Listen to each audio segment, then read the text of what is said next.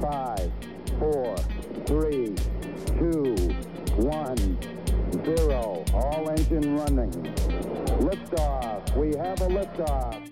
Välkommen till Holistic-podden med Anna och Nicky. Podcasten som handlar om delarna som utgör helheten. Hej Nicky! Hej Anna! Hur är läget? Det är bra. Ja. Mm. Vad gör du nu för tiden? Tränar och tränar och tränar. Jaså, berätta mer. Mm. Nej men vi gjorde ju en, ett avsnitt, eh, ett peptalk typ, Mm. eh, när vi kom igång nu här efter, efter eh, i årsskiftet. Och, Mm. Inte förra, men förra, förra avsnittet då? Mm. Mm. och då pratade vi om en habit tracker. Yes. Som vi ju använder med klienter när vi coachar och sådär. För att det är himla smart för hjärnan att liksom få in ett eh, mönster. När, när hjärnan liksom märker att någonting, eh, när det börjar bli ett mönster av någonting, då blir det lättare för hjärnan att motivera sig. Så jag sa till mig själv att jag ska träna minst 30 minuter ansträngande träning varje dag i 60 dagar. Så det blir, Wow. ja, det blir 60 pass då som jag ska köra sammanlagt. Eh, och i sanningens namn så har det blivit mer än 30 minuter i princip varje gång. Snarare närmare 40 minuter. Och, när, och så har jag va- varierat mellan styrketräning och konditionsträning. Och till exempel så skulle ett hårdare power-yoga-pass vara ett eh, träningspass för mig också. Men ett yin-yoga-pass räknas inte in i de här 30 minuterna träning. Det blir Mhm. vardagsmotion då istället. Och det här är lustigt därför att det här är ju inget nytt. Vi har ju många klienter som beskriver precis samma sak. Att Mm. Det är inte själva längden egentligen på träningspasset utan det är att kliva över tröskeln. Mm. Att ta på sig träningskläderna och sätta igång. Har man väl gjort det, Ja. då är det ju inte så stort problem. Då kan man ju köra 30 eller 40 eller 45 Ja, oftast. som idag var jag totalt noll motiverad. Alltså Du var jättetrött. Ja, jag var trött och seg och kände ah. Men så visste jag att jag har ju den där habit tracken. Jag använder en app som heter Streaks. Mm. Som är jättebra. Så klickade jag i så här, för jag vill ju inte tappa en streak. så, och det funkar väldigt, väldigt bra. Så det är väl vad, som florerar mig. Och, och helt ärligt så kom vi in på ämnet också idag. Därför att jag kände att jag var tvungen att rensa i huvudet lite. Bland alla Mm. tankar och sånt. Jag måste Men vi- säga att Ja. eh, jag slår verkligen ett slag för att 30 minuter per dag räcker. Mm. Man kan träna kortare också, därför att allt över noll träning är ju liksom bättre än noll. Så att även, det finns ju en app som heter 7 minute workout. Ja. Det kan man också köra streaks på. Eh, men att 30 minuter räcker definitivt. Men det behöver inte vara längre än så. Nej, och sen är det ju sådär att eh, det är just, jag, jag motiverar mig själv genom att tänka så här, varje gång jag kliver över den där tröskeln, att det blir ansträngande träning, det som man kommer in i prestationszonen, Mm. då, blir, då blir, får man den här medicinska effekten på kroppen. Man får bättre syreupptagningsförmåga, bättre eh, kemi, in, alltså miljön in i musklerna förbättras och man får massa ämnen som utsöndras som, som stimulerar immunförsvaret och läkningen och sånt. Så det är fantastiskt. Men du, Och sen så Ja. har jag också en sak till att säga, för vi har Mhm. pratat om det här tidigare, att Mm. man fungerar ju olika som människor. ja. Och du är ju en sån här människa som fungerar väldigt bra på just streaks. Alltså att du fungerar bra på att nu tar jag godisförbud ett år, då funkar det utmärkt. jag vet. Men har du inte det, då kan det bli lite hur som helst. Mm, jag behöver tydliga ramar. Exakt. Och, ehm, Och jag, måste, jag tycker det är inspirerande. Mm. Alltså jag tycker det är väldigt, väldigt inspirerande för att jag kan tänka mig att det finns många människor, jag är ju lite tvärtom. mm, Det funkar inte för mig, men jag ser hur det funkar för dig och Mm. jag kan tänka mig att det skulle funka för väldigt många andra människor också. Att du har ju ibland eh, gått dagar Mm. utan träning, mm, men nu ser jag att du hittar tiden. Mm. Det spelar ingen roll. Det är så här, det är fredag kväll, klockan är sju. Yes, jag ska bara göra mina 30 minuter och sen kan vi sätta igång med resten. Det är så himla coolt att det finns liksom, eh, du har bestämt dig. Ja men verkligen. Och det är lite grann som när jag säger till klienter. Så här, alltså hur ska man motivera sig? Bara gör det. Alltså köp Mm. ett gymkort så har du gjort det. Då, då går du dit. Därför att skapa så många förutsättningar som möjligt för din hjärna att kicka igång på det här. Har du köpt ett gymkort då blir sannolikheten att du kommer utnyttja det större. Än Det är att du sant, inte har gjort fast det. det. finns många passiva gymmedlemskapsägare också. Jag tänker att Ja, eh, om inte det funkar, då kan man till exempel bestämma träff med en kompis. Vi ses på tisdag klockan sex. Ja. Då har man ökat chanserna ytterligare. Ja. Men vi glider från ämnet därför att eh, anledningen till att jag körde idag och det var så skönt, det var Mm. för att det verkligen dämpade min hjärna. väldigt Yes. mycket. Vi kommer komma in på det mer. Men jag Mm. är jättenyfiken på hur har det varit för dig senaste tiden Anna? Vad har du gjort? Vad Jo, du på men- med? Jag hakar på där då, Mhm. där du glider in just nu, Mm. nämligen att så här tänker jag, Mm. så här går jag och tänker. Mm. Det har varit två ansträngande år för Mm. många människor över hela världen. Det har varit bökigt med covid och corona och vi har liksom haft ett hot hängande över oss, minst ett hot hängande över oss. Det här osynliga hotet om någonting som verkar farligt, men vi vet inte hur farligt och vi vet inte hur, var och när det kommer. Och sen har man kunnat skratta åt att men om man sitter ner då kommer det inte, men om man står upp så kommer det och efter klockan tio så kommer det definitivt, men inte före klockan Ja. Ja, men hur som helst så kändes det som att det äntligen började lösa sig. Mm. Det kändes som att nu är vi på väg ur den här tuffa tiden. Nu kan folk äntligen släppa ner axlarna och släppa oron och Ja. bekymmer som jag tror alla har haft mer eller mindre av olika skäl.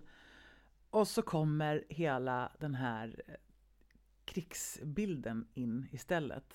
ja. Och jag tycker det är, det är för jäkligt. Det är vidrigt. Ja men det är vidrigt på så många plan. Det, det är dels vidrigt för alla de som är drabbade av det här hemska. Mm. Men så är det också vidrigt för alla andra runt omkring på något sätt. Jag tycker att hela världen hade förtjänat en tid av lugn och ro och fred och frid. Ja. Men det är som de säger, ibland behöver det kanske bli ännu värre innan det blir bättre. Jag tror definitivt att vi är på väg till någonting bättre, men det är inte så skojigt. Det är jobbigt. Och då glider vi in på dagens ämne. Mm. Nämligen att den här långvariga känslan av hot, Mm. hot om skada, död, förstörelse eller hot om risk för alla de där sakerna. Mm. Det gör saker och ting med oss. Mm. Det gör saker och ting med våran hjärna, vårt nervsystem och vårt fysiska system sammantaget. Mm. Så idag ska vi prata om ångest.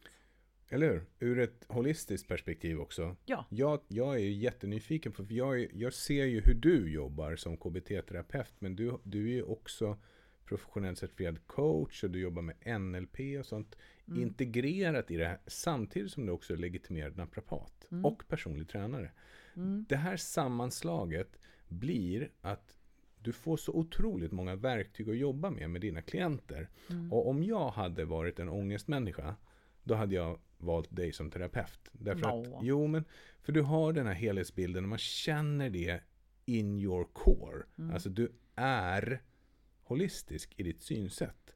Och jag tror att det är så himla, himla värdefullt. Du kan se att okej, nu är de här känslorna som du har här, den här huvudvärken, stelheten, det är faktiskt någonting som vi fysiskt kan jobba med. Mm. Jobba med eh, naprapati. Eller så kan du guida personen i, i träning, Mm. som är så oerhört viktigt. Och så där. så det, det ska bli intressant att höra dina tankar kring hur du jobbar med eh, ångest egentligen. Mm. Ja, vad spännande. oro. Då ber jag dig att ha kvar det perspektivet så Mm. kan ju du ställa frågor. Men det är precis som du säger att människan är ju en helhet. Mm. Och självklart så jobbar man med alla verktyg och Mm. tårtbitar man kan i den här helheten. Mm. För att det passar olika bra för olika individer Mm. också. Mm. Så jag Men- tänker att du är proffset i det här Mm. avsnittet. Ja, jag är ju lite proffs. Dels därför att jag eh, under många, många år har läst och studerat och fördjupat mig i ämnet. Och sen har jag också väldigt många år haft eh, och ibland har ångest. Jo tack. Så att eh, ja, jag specialiserar på ångest därför att jag vet hur vanligt det är. Jag vet hur otroligt jobbigt eh, det är, vilket lidande det är. Eh, och jag vet också hur mycket hopp det finns. Jag Mm. vet hur otroligt mycket hopp det finns att hantera och Mm. leva ett absolut fullkomligt liv Mm. fastän man har eller har haft ångest. Mm.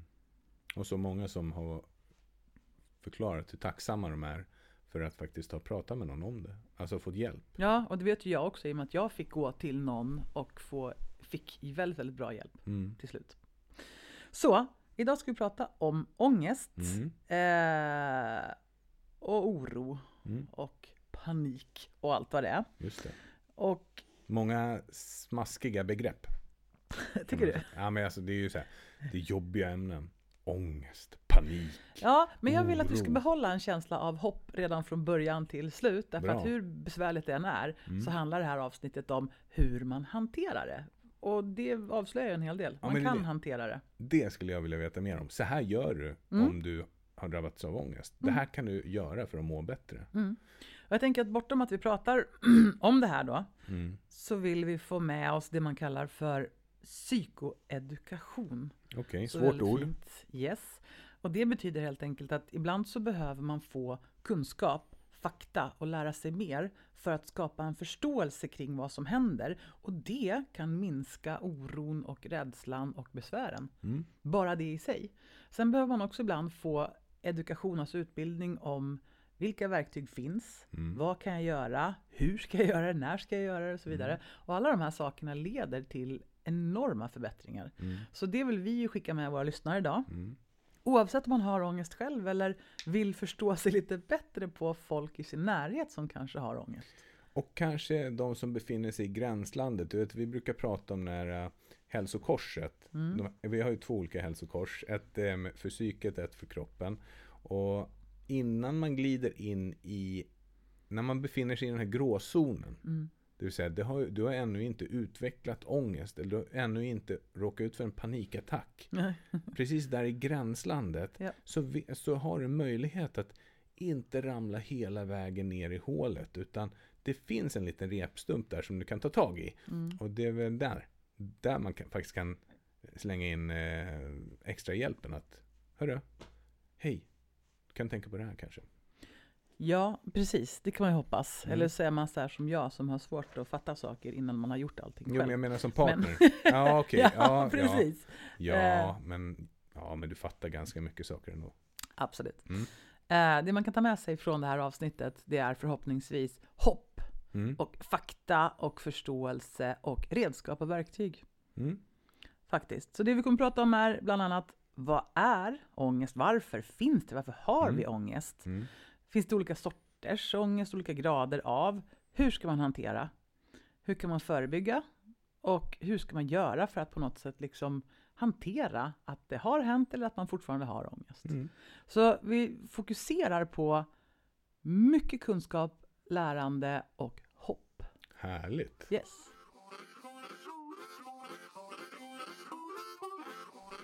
Vad är ångest och panikattack? Stark ångest som kommer plötsligt kallas för panikattack. En panikattack känns mycket tydligt i kroppen. Du kan bli yr och det kan kännas som att du ska svimma. När det känns så starkt i kroppen kan du tro att du är sjuk, till exempel att du har fått ett fel på hjärtat. Du kan känna overklighetskänslor eller rädsla för att dö. En panikattack kommer ofta oväntat när du inte är förberedd. Det är inte ovanligt att få en panikattack till exempel när du vilar eller slappnar av. Att få en panikattack känns mycket skrämmande, men det är inte farligt och panikattacken går över av sig själv. Har du återkommande panikattacker under en längre period och är rädd för att få dessa attacker kan du få det som kallas paniksyndrom. Det finns behandling som hjälper mot paniksyndrom. Vad är ångest och vad beror den på då? Ångest är reaktioner från nervsystemet som inte går att styra.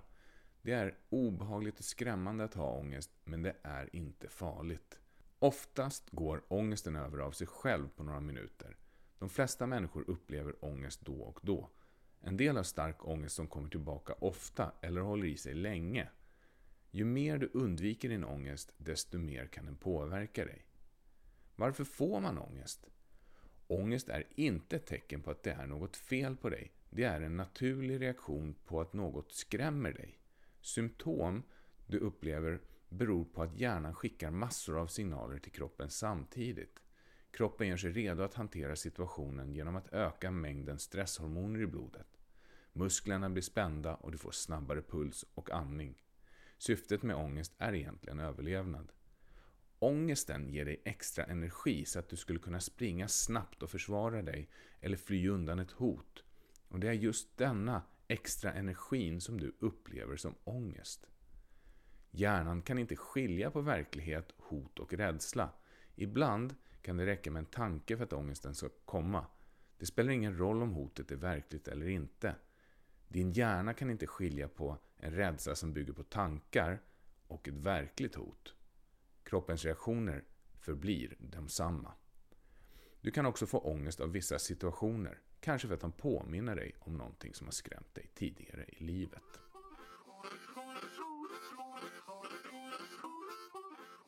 Så Anna, Mm. jag tänker så här. Du är ju liksom experten inom det här området. Jag jobbar en del i gränslandet, men jag jobbar ju inte med det terapeutiska på det sättet som du som KBT-terapeut gör. Nej. Jag jobbar ju mer coachande. Mm. Så jag är lite nyfiken, liksom.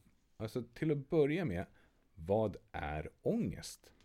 Ja, men får jag bolla tillbaks den då? Mhm. Eh, innan du såg mig panika ur totalt för första gången, Mm. vad var ångest för dig? Ångest var så här äh, att man kände ånge, ågren inför någonting. Mm. Man bara, åh, åh, jag har ångest. Mm. Men jag fattade inte vidden av det djupet som jag skulle få förstå vad ångest innebär på riktigt. Mm. Ja, men samma här. Jag kände också sådär att åh, åh, jag har ångest för vi har tenta imorgon. Eller Exakt. åh, jag har ågren för att hoppa i vattnet för det är kallt. Mm, Sådana saker. precis, jag säger inte att jag har ångest längre om jag ska bada kallt. Nej, men det är Svensson-ångest kan man säga. Ja. Man får ju ha sån Mm. ångest också förstås. Så den nivån av ångest finns ju också. Mm. Och jag hade träffat på ganska många kunder och klienter som hade berättat om ångest och Mm. även panikattacker. Och jag kunde inte leva mig in. Nej. Utan det var, jaha, men hur gick det till då? Mm. Ja, men hjärtat bultade och jag svettades. Jaha, Mm. men eh, det var, det var det eller? Mm. Jag hade dålig fantasi, så jag förstod inte riktigt liksom besväret av det här. Vad hände sen då? Det som hände sen det var att jag fick uppleva det själv och det ska jag berätta om lite senare. Mhm. Men rent krasst så kan man säga så här att det, är, det här är ett, mm, en bred skala, Mm. brett spektrum Mm. av allt ifrån Svensson-ångest till full, ren och skär och utöver alla gränser panik. Kan du berätta om det? När du säger den där gränsen då, att Svensson-ångest, men så går det till Nej, men det är ju gränsen som- av panik. Ja, men det är som ett spektrum, det är en lång, lång, lång skala. Så att Mm. man, egentligen kan man säga så här att ha alldeles för lite ångest, Mm. Det har inte varit särskilt funktionellt genom alla tider. Det finns en poäng i att kunna bli ångestdrabbad. Mhm. Och sen har vi allihopa eh, olika mycket ångest olika dagar. Alltså ibland har vi haft en lugn och skön och återhämtande helg och vi går in i vår måndag och vi har liksom laddat på batterierna ganska bra. Mm. Ibland har vi kanske haft en längre period av utmaningar och svårigheter och stress. Vi kanske inte har sovit så bra. Och då kan man lätt ladda upp en högre mängd av ångest Mhm.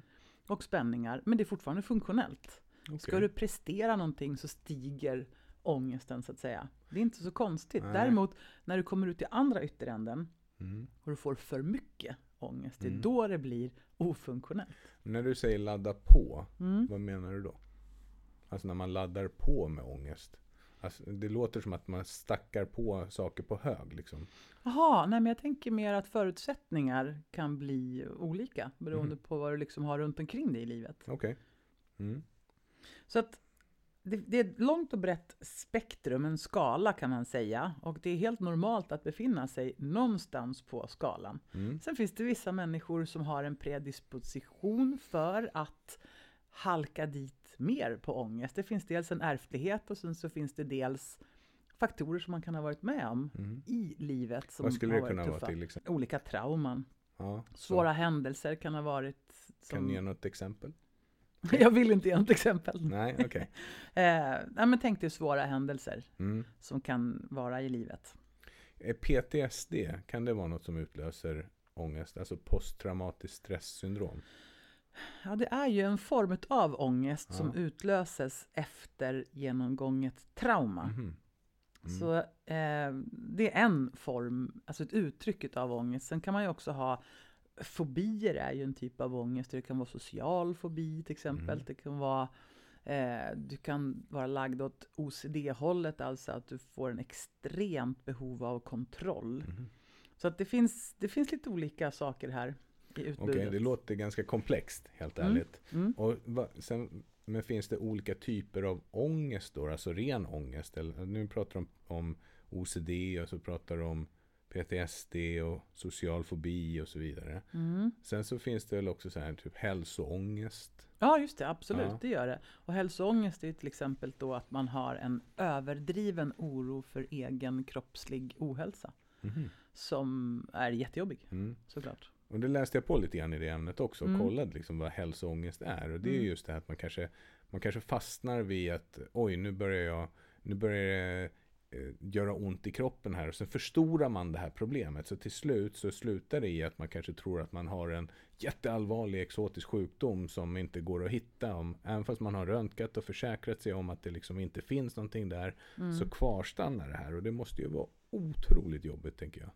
Ja, och jag kan inte låta bli att tänka på att allt det här urspringer ju från en väldigt, väldigt frisk och sund kropp och en Mm. väldigt, väldigt frisk och sund hjärna, men väldigt, väldigt stark, frisk och sund överlevnadsinstinkt. Alltså alla de här funktionerna som vi har Mm. och även de här jobbiga tillstånden som det leder till Mm. är ju på något sätt våran kropp som är så väldigt funktionell. Mm. Men det blir fel. Mm. Eh, så till exempel det här som du beskriver med hälsoångest. Mm. Då har vi ju en fantastisk förmåga att be våran kropp om selektiv varseblivning. Okej, berätta. Om du till exempel, eh, jag ser att du har skor och så har du strumpor på dig. Och inte sitter du nu och tänker på att strumpan har väckat sig i skon och att det är ganska irriterande och kliar där under foten. Nu gör Det är, det. sånt, precis, det är sånt som vårt filter Mm. sorterar bort. Mm. Vi tar ju in så enormt mycket signaler hela tiden från vår kropp och från vår omgivning. Och det går liksom inte att varsebli alla de här sakerna. Så att vårt filter upp till hjärnan filtrerar bort väldigt mycket. Mhm. Men Mm. om du berättar för din hjärna, du måste vara väldigt, väldigt uppmärksam på hur det känns under höger fot. Och så upprepar du det här för dig själv hela, hela tiden. Hur är det egentligen med höger fot? Känns det någonting under höger fot? Då kommer det här att upprioriteras. Mm. Så du kommer bli jätte, jätteduktig på att känna hur det känns under höger fot. Och det är det här som till exempel händer då om någon har till exempel oroar sig för sitt hjärta Mm. och hjärtslagen. Mm. Och man blir väldigt, väldigt uppmärksam på hur, hur känns mitt hjärta? Hur är det egentligen? Hur känns det? Hur är det? Är det här normalt? Känns det som vanligt? Och då får du en ökad varseblivning av exakt varje hjärtslag. Och det här Mm. kallas för att ha hjärthörsel. Det är någonting som vissa människor utvecklar. Mm. Och det kan vara väldigt besvärande. Mm. Men det går också att nedreglera igen. Det låter spontant som att du också säger att det egentligen inte är farligt. Nej, det är inte farligt. Nej. Men det är besvärande. Ja, och- Därför att det blir besvärande om man då får den här enorma uppmärksamheten på vissa kroppsliga signaler. För kroppen skickar ju väldigt många signaler till Mm. oss hela tiden. Mm. Och det är inte funktionellt att jag ska känna hur mina tarmar rör sig, för det behöver inte jag bry mig om. Nej. Det är inte funktionellt att jag ska känna hur mina kläder kliar på mig, för det skulle bli överväldigande. Mm. Men däremot så har vi alltså förmågan att uppreglera vissa saker.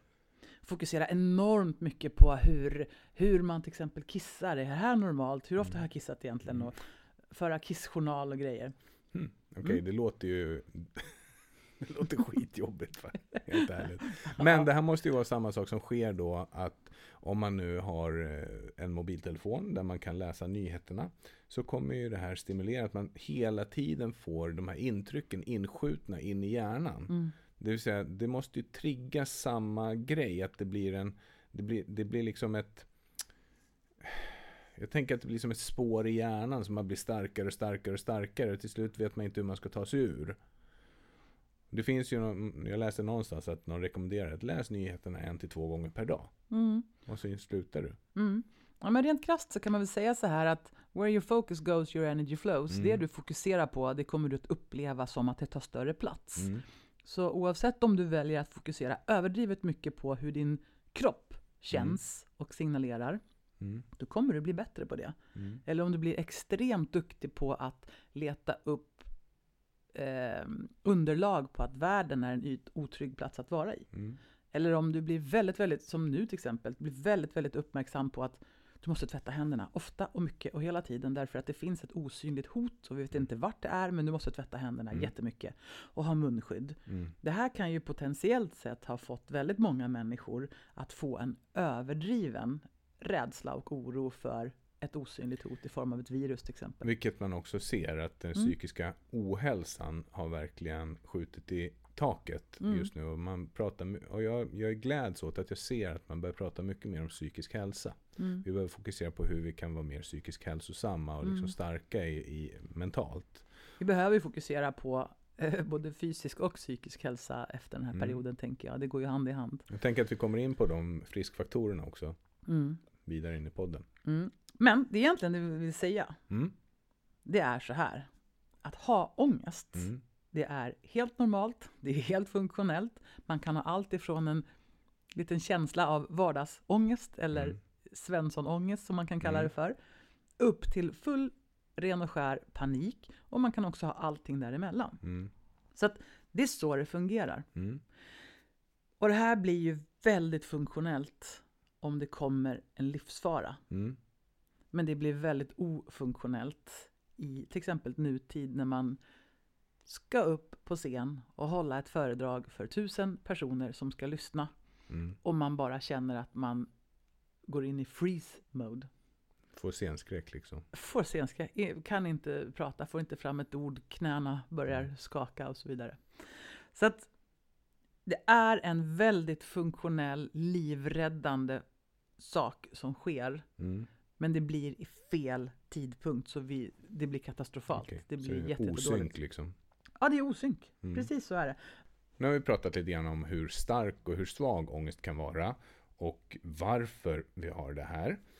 Vad hörde du mig säga om varför vi har ångest? Varför har vi den här jobbiga, påträngande känslan? Ja, men att det är en skyddsmekanism. Att det finns ett inbyggt liksom försvar för oss för att vi ska reagera reflexmässigt på hot och faror istället för att försöka tänka oss ur situationer. Utan det kanske vi gör när vi är mer lugna helt Mm. enkelt. Himla bra, precis. Jätte, Mm. Jättebra. Och det här tycker jag hjälper när man har ångest själv. Mm. Att tänka på att eh, jag kommer in senare på att man kommer behöva prata med sig själv ibland. Ja. Och är det på en- tekniker? Liksom? Det är jag nyfiken Ja, det kommer sen Mm. lite Mm. senare. Vi följer en viss linje här. Men en teknik är att prata med sig själv och berätta det här för sig själv. Okej, nu är min superduktiga reptilhjärna ute och vill rädda livet på mig Mm. igen. För den tror att nu är det farligt läge, men det som händer egentligen. Och så vidare. Mm. Så det är precis det man måste komma ihåg, för det hjälper på något sätt att veta att nej, jag är inte sjuk, det är Mm. inte farligt, utan jag har en jättefunktionell hjärna vars reptildel är stressad just nu. Och det den gör då, för att vara så snabb, Mm. det är att den lite gärna sätter de andra, lite mer reflekterande delarna av hjärnan ur spel. Mhm. Okej, får jag fråga en sak då? Mm. Eh, du kanske kommer in på det också, men, men jag undrar så här. Vad, vad, kan jag, vad är det bästa du vet att jag som partner gör Mm. när du upplever ångest? För jag tänker att vissa som lyssnar på det här avsnittet, de har en partner som kanske är eh, ångestbenägna eller har, lider av det här. Men Mm. eh, innan man vet vad som sker så kan det vara otroligt påfrestande för relationen. För det är inte jättekul för partnern heller att ens partner har ångest. Nej, jag förstår. Eh, Mm. Och jag tänker att det blir viktigt för den som har ångest att gå och få hjälp Mm. så att man inte börjar använda sin partner som hjälp Nej. eller snuttefilt Mm. eller terapeut Nej. och så vidare. För det brukar inte vara så givande för en relation. Nej. Utan det bästa av allt är väl egentligen att partnern blir lite insatt i vad är det, hur funkar det, hur kan jag stötta Mm. dig? Och Eh, inte flippar ur kanske.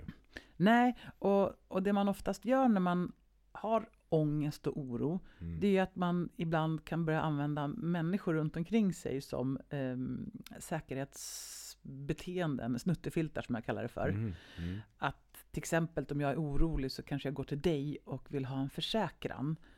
Och så Mm. säger du, nej men det är ingen fara, det, det går så Mm. bra. Så det är, Mm. du, du är frisk, det är ingenting som ska hända. Och då blir jag lugn för en liten stund. Mm. Men det räcker bara en liten stund, sen måste jag gå tillbaks igen. Och då har du hamnat i lite av en medberoende. Mm. Och det blir inget bra. Nej. Och det hjälper inte heller den som har ångest. Så att jag tänker att man, eh, om man har möjlighet, försöker utbilda sig och på något sätt kommer överens om hur ska jag förhålla mig till dig? Mm. När du mår vettigt. så här, när du Mm. gör så här. Ja, lite så. Så Eh, kommunicera kring det. Ja, Ja. precis. Någonting sånt. Mm. Vet du hur det känns? Att ha ångest, Mm. det måste jag nog säga att det vet jag inte jag. För jag har nog aldrig upplevt ångest på riktigt. Inte på det sättet. Ja, men alltså ångest, jag tänker att du pratar om den här skalan, absolut. Men jag har Mm. inte haft en ångestattack. Nej, precis. Jag, jag har ju sett på det att du har varit starkt äh, ångestdrabbad. Ja, Alltså, åh, man kan må på ett visst Mm, sätt och mm. känna massa känslor och det är jobbigt och så. Men nej, du har inte haft den typen. Det är som att det, är som att det faller över en viss gräns. Man kommer över en viss nivå. Du har kontroll mm. till en viss gräns. Och sen hamnar ångesten lite utanför kontroll och det är Mm. då det blir så jobbigt och obehagligt. okej. Faktiskt. Så här står det om man läser böckerna. Mm. Tecken på... Nej, vet du, jag ska berätta en historia först. Okej. Det finns en jätterolig berättelse där man pratade med två artister. Mm. Ganska kända scenartister. Mhm. Och den ena scenartisten hade det så himla besvärligt. Mm. För hon hade börjat få panikångestattacker. Mm. Och man frågade henne, men vad, vad är det som händer då? Ja, men det är så fruktansvärt jobbigt för när jag ska upp på scen då, då börjar hjärtat banka och jag börjar svettas och jag blir alldeles darrig och skakig och, och jag känner liksom att det, det trycker på och jag mår nästan illa. Jag känner liksom hur det far runt i magen. Och sen vet jag att jag ska upp på scen och jag vet att jag kommer få en panikångestattack. Mhm. Det är så fruktansvärt jobbigt. Jätte, jättejobbigt. Ja. Pratar man med den andra scenartisten. Berätta om hur det är när du ska gå upp på scen. Mm. Ja, det är så här att jag står där bakom scenen och sen så känner jag hur mitt hjärta börjar klappa. Och jag känner att jag nästan skakar i kroppen och jag får liksom tunnelseende och andningen blir påverkad och det liksom, jag känner hur det virvlar och det kryper i magen och jag bara känner jag är så jädra redo att gå på scen! Jag är så taggad! Jag fattar. Mm. Det som händer i kroppen, Ja. det är samma funktion, Mm. det vill säga kroppen gör oss redo för att prestera på topp. Samma reaktion nästan också. Ja, det är samma kroppsliga påslag du får. Men tolkningen är helt annorlunda. Yes, vilket innebär att du kan få en fysisk sensation och beroende på hur din hjärna väljer att se på det här, precis som mycket annat i livet, Mm. så kan du få en upplevelse antingen av att du blir livrädd och bara vill svimma och kräkas därför att du har fått en panikångestattack. Mm. Men du kan ta samma påslag och tolka det som att jag är så jädra redo. Jag är precis det jag behöver vara nu. Jag är så taggad. Kroppen skakar. Och det är samma grej. Du har stresshormoner i kroppen Mm. som gör de här sakerna. Så det är liksom ingen annan kemisk blandning. Nej, det är Biokemi, ingen annan kemisk blandning. Det är fantastiskt Utan häftigt. tolkningen i sig blir då att det tippar över i rädsla och panik och oro eller topprestation. Ja. Det där är ju otroligt fascinerande. Alltså just att, att tolkningen, Mm, samma kroppsliga signaler, mm. samma situation, Mm. men helt olika tolkning i hjärnan. Mm. Vad förvirrande tänker jag. Ja, och det roliga är att våran reptil, reptilhjärnan, Mm. den gör ju egentligen samma sak. Den optimerar läget i kroppen för att prestera på topp. Mm. Och för att göra det Mm. Så är det, men låt, låt oss säga då, vi går tillbaka till den här sabeltandade tigern. Mm. Om du ska slåss mot en sabeltandad tiger eller om du ska springa ifrån en sabeltandad tiger, Mm. ja, då behöver du öka på pulsen så hjärtat börjar slå. Mm. Det börjar slå i förskott. Mm. Uh, nu är det dags. Springa eller fightas. Ja. Du börjar svettas. Och det sägs att det finns en funktion i att vi, vi, vi är inte så håriga vi människor. Nej. Och om vi dessutom svettas så blir vi ganska halkiga och liksom svåra att få tag på. Spännande, visst. Mm. Så vi börjar svettas. Mm. Ehm, darrningarna och skakningarna som kan komma i kroppen, det är Mm. också bara att det är höjt påslag av stresshormoner Mm. som gör oss Mm. darriga och skakiga. Man kan uppleva en känsla av att man inte får luft. Mm. Lufthunger eller? Ja, till exempel luft. Och det här är ju en förskräcklig upplevelse att ha om man tror "Åh, jag får inte luft. Sanningen är att man oftast tar in för mycket luft. Mhm. Alltså man hyperventilerar. Samtidigt som kroppen på något sätt talar om för en att sug in så mycket syre som det går för vi ska ju springa jättefort och vi ska slåss jättemycket. Mm. Så allt det här är fortfarande då jättefunktionellt om du ska racea 100 meter eller om du ska Mm. upp och maxprestera. Eh, men om du till exempel sitter hemma i soffan och har en panikångestattack så är det fruktansvärt att uppleva att jag inte får luft. Men man får luft. Man får luft, man får all Mm. luft man behöver. Mm. Oftast är det så att man andas för mycket, så du får för mycket syre. Och det kommer i sin tur ibland att leda till att det sticker och bubblar i händer och fötter och i ansikte och kring mun och läppar och sådär. Mm. Jättejobbigt. Mm. Funktionellt. eh, man kan få ont i magen. Man kan bli illamående. Mm. Alltså mag-tarmsystemet blir påverkat. Och då finns det också teorier om att om du ska maxprestera och rädda livet på dig själv, Mm. då, då är det bra att göra sig av med avföring. Att liksom tömma.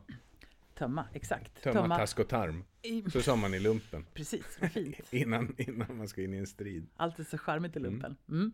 Exakt så, precis. Du ska bli lättare i Mm. kroppen Mm. eh, och inte ha det där att tänka på. Så att det finns ju många människor som blir illamående. Jag har haft många klienter som blir alltså akut bajsnödiga när de får ångest, vilket är jätteopraktiskt förstås. Inte så himla livräddande. Nej, nej, livrädda. Om man är på en fest eller så, tänker jag. Nej, nej men det, det har funnits en evolution... Mm. det har funnits en evolutionistisk poäng med är på en Att fest, lite om du cocktailparty. Så, fight or flight. Ja. Då är det bra att tömma tarmen eller tömma magen. Mm. Så att det finns, det är lika vanligt att man får ångest och kräks. gud vad mycket bilder jag får i huvudet. Till Mm. exempel. Mm. Ja men absolut. Och du Mm. kan ju tänka dig hur jobbigt det är om man dessutom har ångest för att kräkas.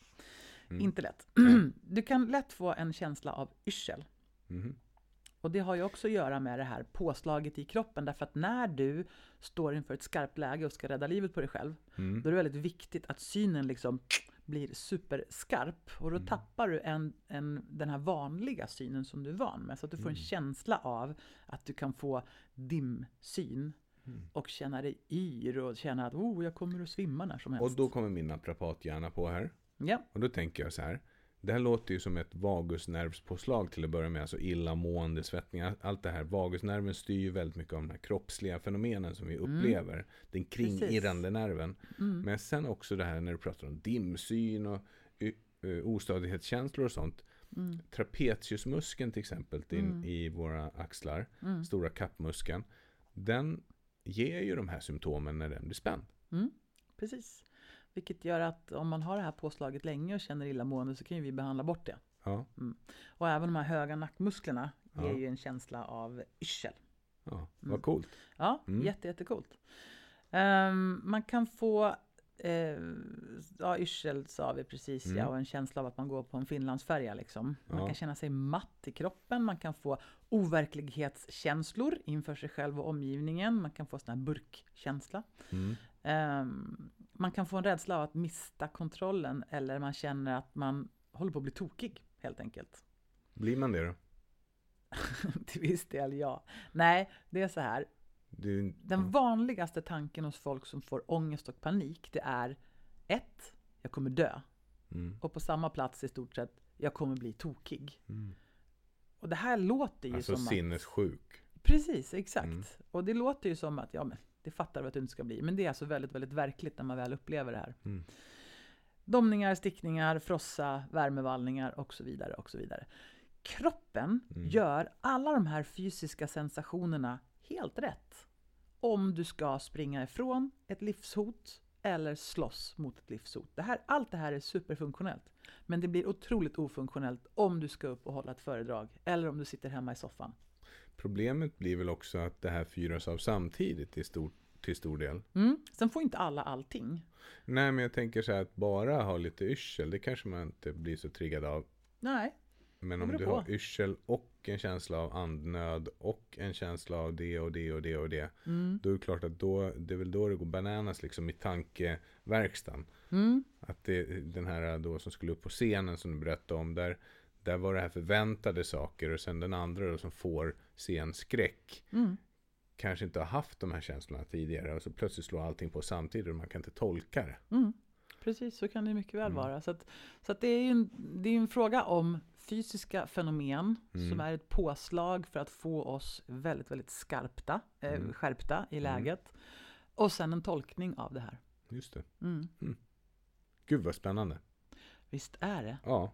Och det igen att ha med sig att man inte är sjuk. Man är inte felaktig, utan man är väldigt, väldigt funktionell och man blir, man, man fyrar av en eh, upplevelse som ger en alla de här symptomen. Mm.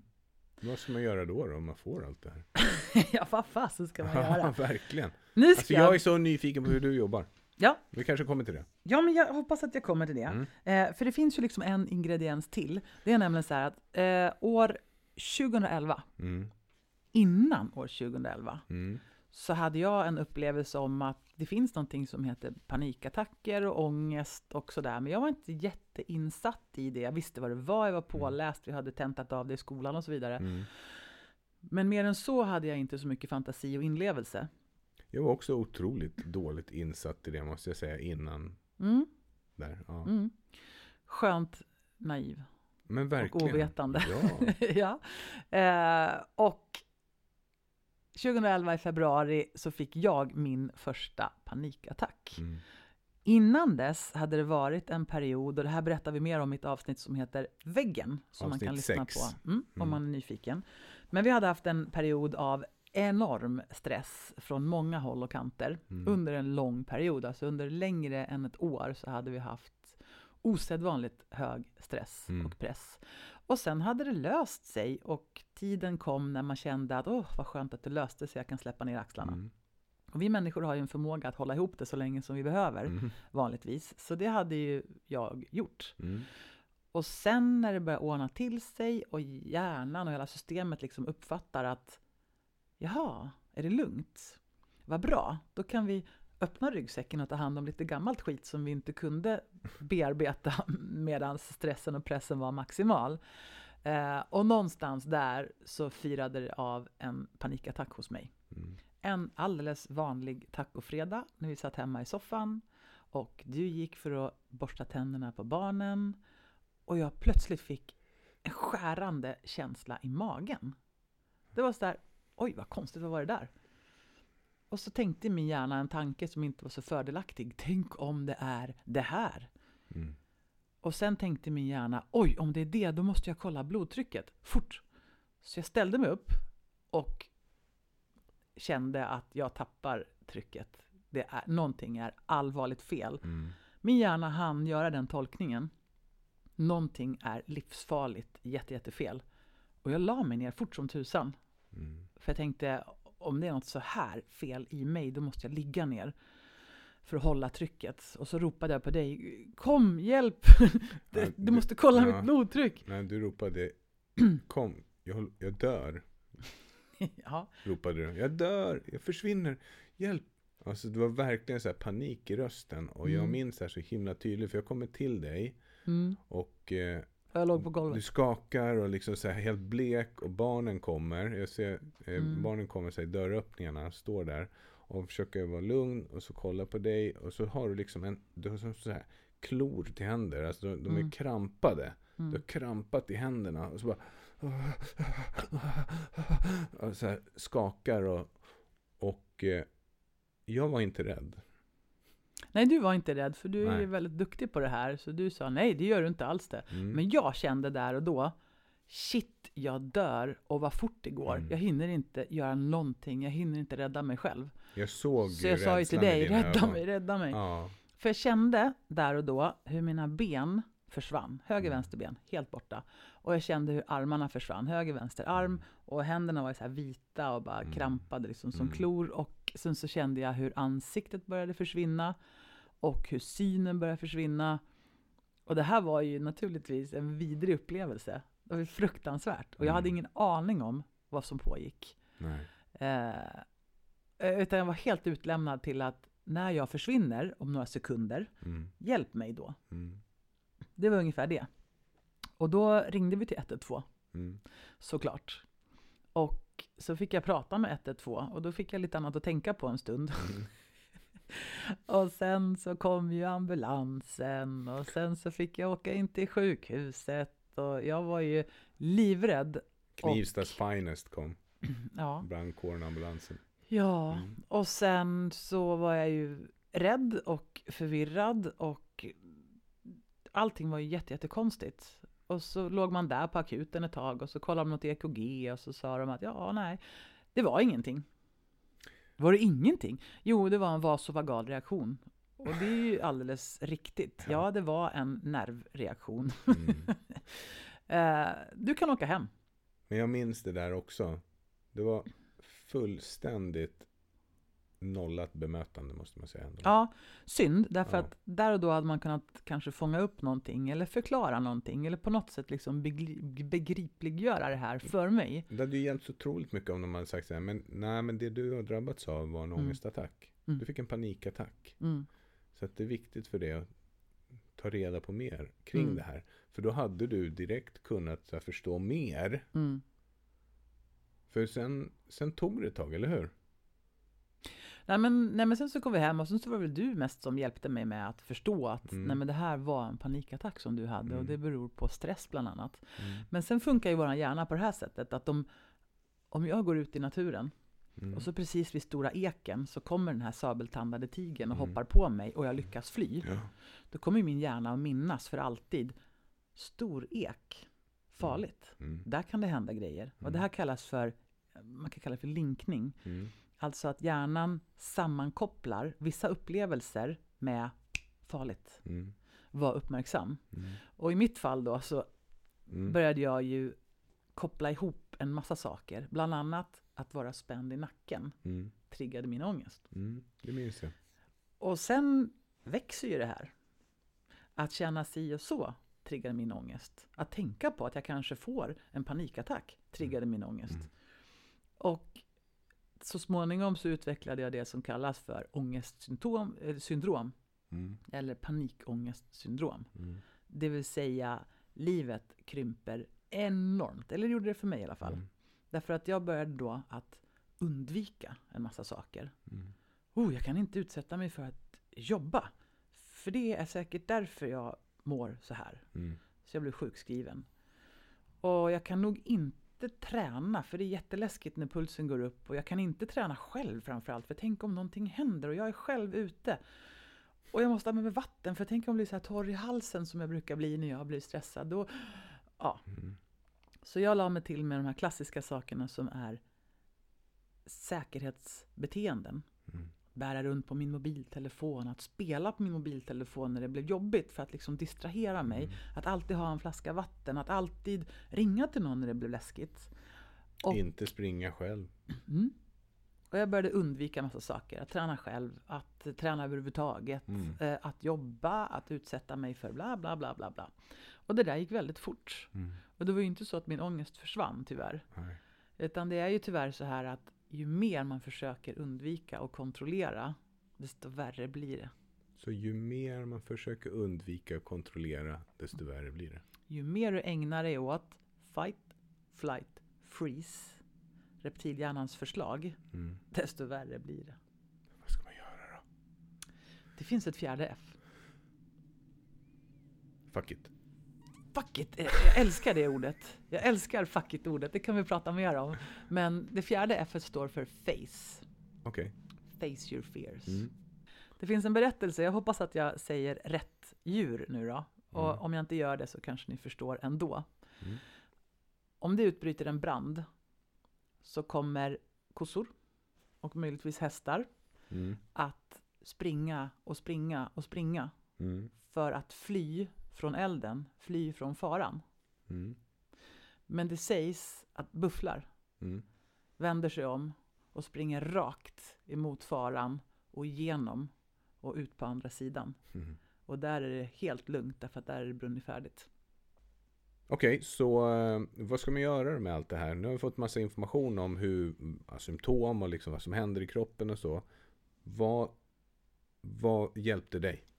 I februari Mm. så fick jag min panikattack. Och sen blev Alltså allting... då för länge sedan i februari? Ja, precis, 2011. Inte nyss? Nej. Ja. Ehm, och eh, sen blev liksom allting värre och värre och värre. Mm. Och till slut så var min, min tillvaro var så liten, så liten. Därför att, och det här att man försöker fly, det var så att jag måste, om jag bara, om bara det här händer så blir Mm. allting bra. Mm. Och så hjälper inte det. Om bara det här händer så blir allting bra. Och till slut så står man hemma i sitt kök och inser att nu har jag gjort allt som jag kunde hitta på för att undvika och för att göra mig själv trygg. Ingenting hjälper. Jag har värre ångest än någonsin. Mm. Då ringde jag på hjälp. Mm. Och då fick jag tips om att gå till en eh, KBT-terapeut Mm. och psykolog. Och hon som tipsade mig sa, han är lite speciell, men jag tror det kommer passa dig. Och jag gick dit och han var inte särskilt intresserad av hur jobbigt det här var för mig. Vilket jag tyckte var lite konstigt. Så jag satt där och så sa ja, ja, ja, ja, ja, okej. Men berätta för mig, vad gör du när du får panikångest? Ja, jag, ja, men jag försöker, jag brukar gå så här fram och tillbaka och sen så brukar jag spela på min mobiltelefon, så brukar jag dricka vatten och så brukar jag liksom se till att jag ringer någon eller är nära någon. Bra! Men då gör vi så här, nästa gång som du får panikångest då, då får du inte ha din telefon och du får inte dricka vatten och du ska sitta still då helt enkelt och så får du, behöver du inte kontakta någon. Och jag tänkte, han är galen eller dum. Ja. Ja, vi säger så, men då ses vi nästa vecka. Och jag gick ut därifrån och liksom flög på små moln, för någonstans så fattade jag ändå att om han ber mig att göra de här sakerna som jag tror är livsfarligt, Mm. Då kan de inte vara farliga, för det skulle inte han ta på sitt samvete. Mm. Alltså fick jag en liten hint om att det jag upplever är inte farligt och det här är vägen att bli bättre. Så Coolt. fastän jag fick en oövervinnelig hemläxa så var jag så glad. Jag minns faktiskt hur fort det förändrade dig. Ja, det gjorde verkligen det. Det blev en påtaglig skillnad i din energinivå, i ditt fokus. Allt bara fuff. Ja, och jag skulle vilja säga att det går fort när man väl gör de här sakerna. Hjärnan fattar fort vad som händer Mm. och de här äh, triggersen, liksom, det, det nedregleras ganska Mm. fort. Jag skulle säga att det, det, igen, det är ett jobb som ska göras. Och på det stora hela så tog det ju månader för Mm. mig. Mm. Men effekten kom omedelbart. Mm. Det blev omedelbart bättre. Mm. Och jag fick ju en känsla av att wow, jag har fått magiska verktyg. Alltså Mm. nu fattar jag. Nu fattar jag hur hjärnan och kroppen fungerar. Det här är helt otroligt. Tänk om alla fick reda på det här. Det Men- påverkar ju allt. Men du fick ju också göra lite praktiska övningar minns jag. Ja. Det Då, är ju lite kul. Nästa gång jag kom dit så sa han så här att okej, men vad var det du kände då? Och jag berättade att det var så himla himla jobbigt därför att det stack i armar och ben och sen så domnade jag av och sen så kunde jag inte andas och sen så började det svartna för ögonen. Och så sa han, vill du att vi ska göra ett experiment? Mm. Ja, det visste jag väl inte riktigt om jag ville, men så gjorde vi det i alla fall. Mm. Då sa han, om du tar och börjar hyperventilera för mig. Börja hyperventilera. Lite pinsamt att sitta själv med någon Mm. Ja, i ett rum och... Men jag var taggad, så jag satte igång. och hyperventilera. Och han satt bredvid. Ja, det är bra. det är bra. Kom igen. och eh, det tog ju inte särskilt lång tid.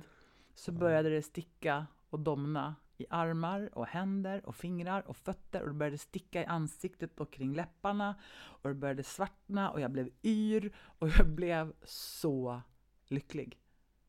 Därför att jag kände att det var så här det gick till. Mm. Det var det här som hände. Helt naturligt. Mm. Och sen kunde jag sluta hyperventilera och så la sig symptomen åt sidan. Precis, och Mm. då är det ju tur att du är du. Ja, Som Kanske. Men jag tänker så här att det är viktigt att få tillit för terapeuten. ja och vi hade en bra kemi. Mm. Jag kan tänka mig att det inte hade passat alla.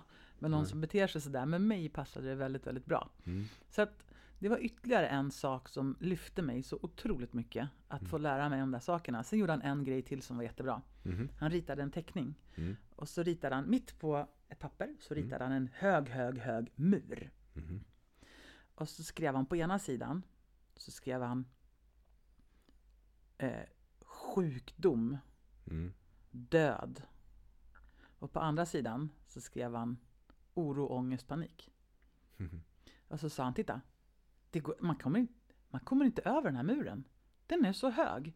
Så hur stark ångest du än får, även om du får ännu starkare och kraftfullare ångest och panik, så kommer du inte över till andra sidan. För det är inte samma sak. Du ska inte dö, du kommer inte bli tokig, du kommer inte bli sjuk i huvudet så att säga. Utan du har ett tillstånd. Så ångesten och paniken kan bli hur stark som helst. Det kan vara jätte, jätte, jättejobbigt men that's it. Det kommer inte att hända någonting. Wow. Sen hade jag dessutom fått för mig att jag kan inte köra bil, för jag är så yr så jag är en trafikfara, så att eh, jag kan inte köra bil längre. Då sa han, vad bra, då ska du ut och köra bil. då ska du göra så här, sätt dig i bilen på en stor parkeringsplats och så skakar du på huvudet allt du kan i ungefär 30 sekunder. Så att du verkligen känner dig riktigt yr och sen ska du köra bil. Och jag sa, du är inte klok, det är ju farligt. Nej, nej, ingenting kommer att hända. Och jag gjorde min hemläxa och ingenting hände. Var det inte då han sa så här, jag hoppas nu att du får träna riktigt mycket också? Det var en annan gång, så sa han så här, ja hej då, vi ses om en vecka. Hoppas du får riktigt kraftig panik nu så du får träna bra i veckan. Och det var ju också så jävla schysst på Ja, något jag sätt. fattar. Det är För klockrent. att, eh, ja men jag, det, ingenting kan ju ta udden Mm. av någonting så starkt som att någon säger hoppas du får riktigt mycket ångest. Då fattar man att det är inte farligt. För mig hade det där passat också. Att få Mm. så här rena, rena praktiska grejer. Liksom, så här, gör det här. Och jag hade också hakat på liksom, provat. Mm. Bara, shit, åh, det stämmer ju. Mm. Han var Mm. jätte, jätte, jätteduktig. Helt suverän. Och ehm, ja, så då kommer vi in lite grann på vad gör man då? Mm. Och rent krasst så är det så här att när man har oro, panik och ångest och har kommit in i den här snurren så att säga. Då kommer hjärnan att föreslå att vi ska öka kontrollen. Mm. Utsätt dig inte för den där stora eken där det Nej, fanns det. läskiga djur. Mm. Utsätt dig inte för att vara ensam. Utsätt dig inte för att öka pulsen. Alltså man kommer få en massa förslag på vad man ska undvika. Mm. Och man kommer också få en massa förslag på vad man ska göra. Mm. Till exempel ha alltid mobiltelefonen med dig eller eh, vissa får ju till och med sådana här mm, lyck, alltså riter, ritualer kan ju vissa för, Mm. få för sig. Och om man inte gör ritualen, Jag då kommer måste det gå knacka helskotta. tre gånger här eller jag måste snurra runt ett varv åt höger för annars så bla bla bla. Alltså det finns ju tusen olika saker som man får för sig att Mm. det här måste hända för annars kommer någonting tokigt att ske. Mm. Och det är den ena vägen att gå. Mm. Ju mer du ökar kontrollen, desto mer krymper också livet. Mm.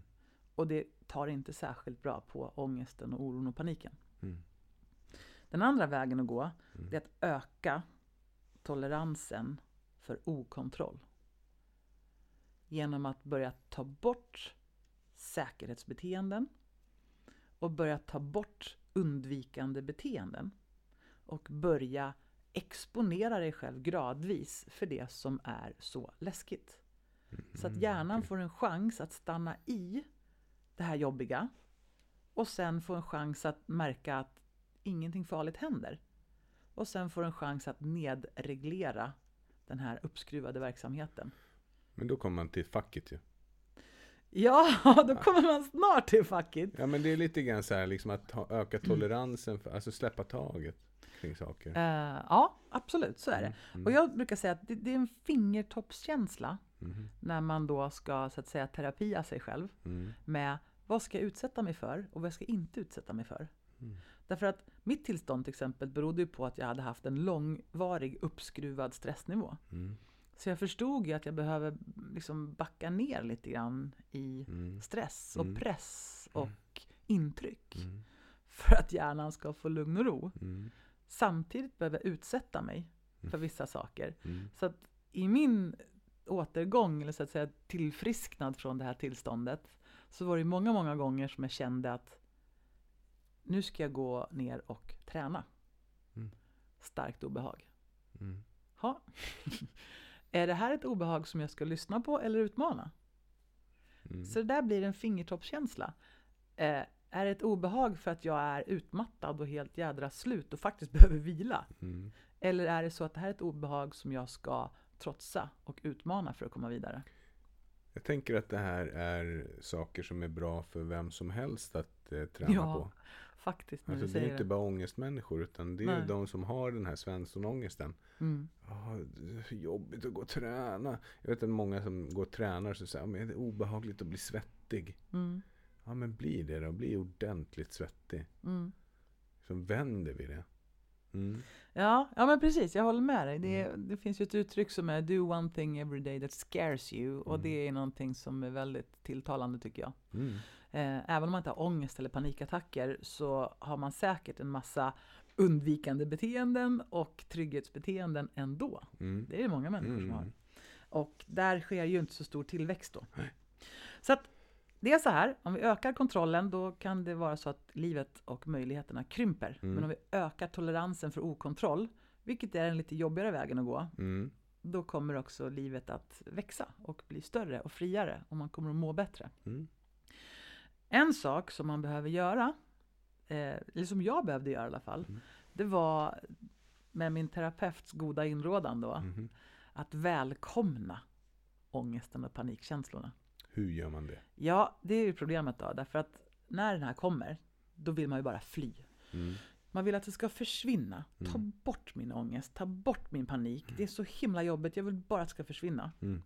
Och det är ju ett sätt att vilja springa ifrån den. Mm.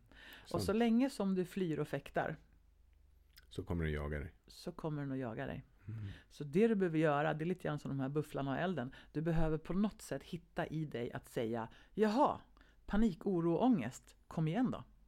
Eller som jag fick tipset att säga Kom igen, kan det inte bli värre? Skräm mig!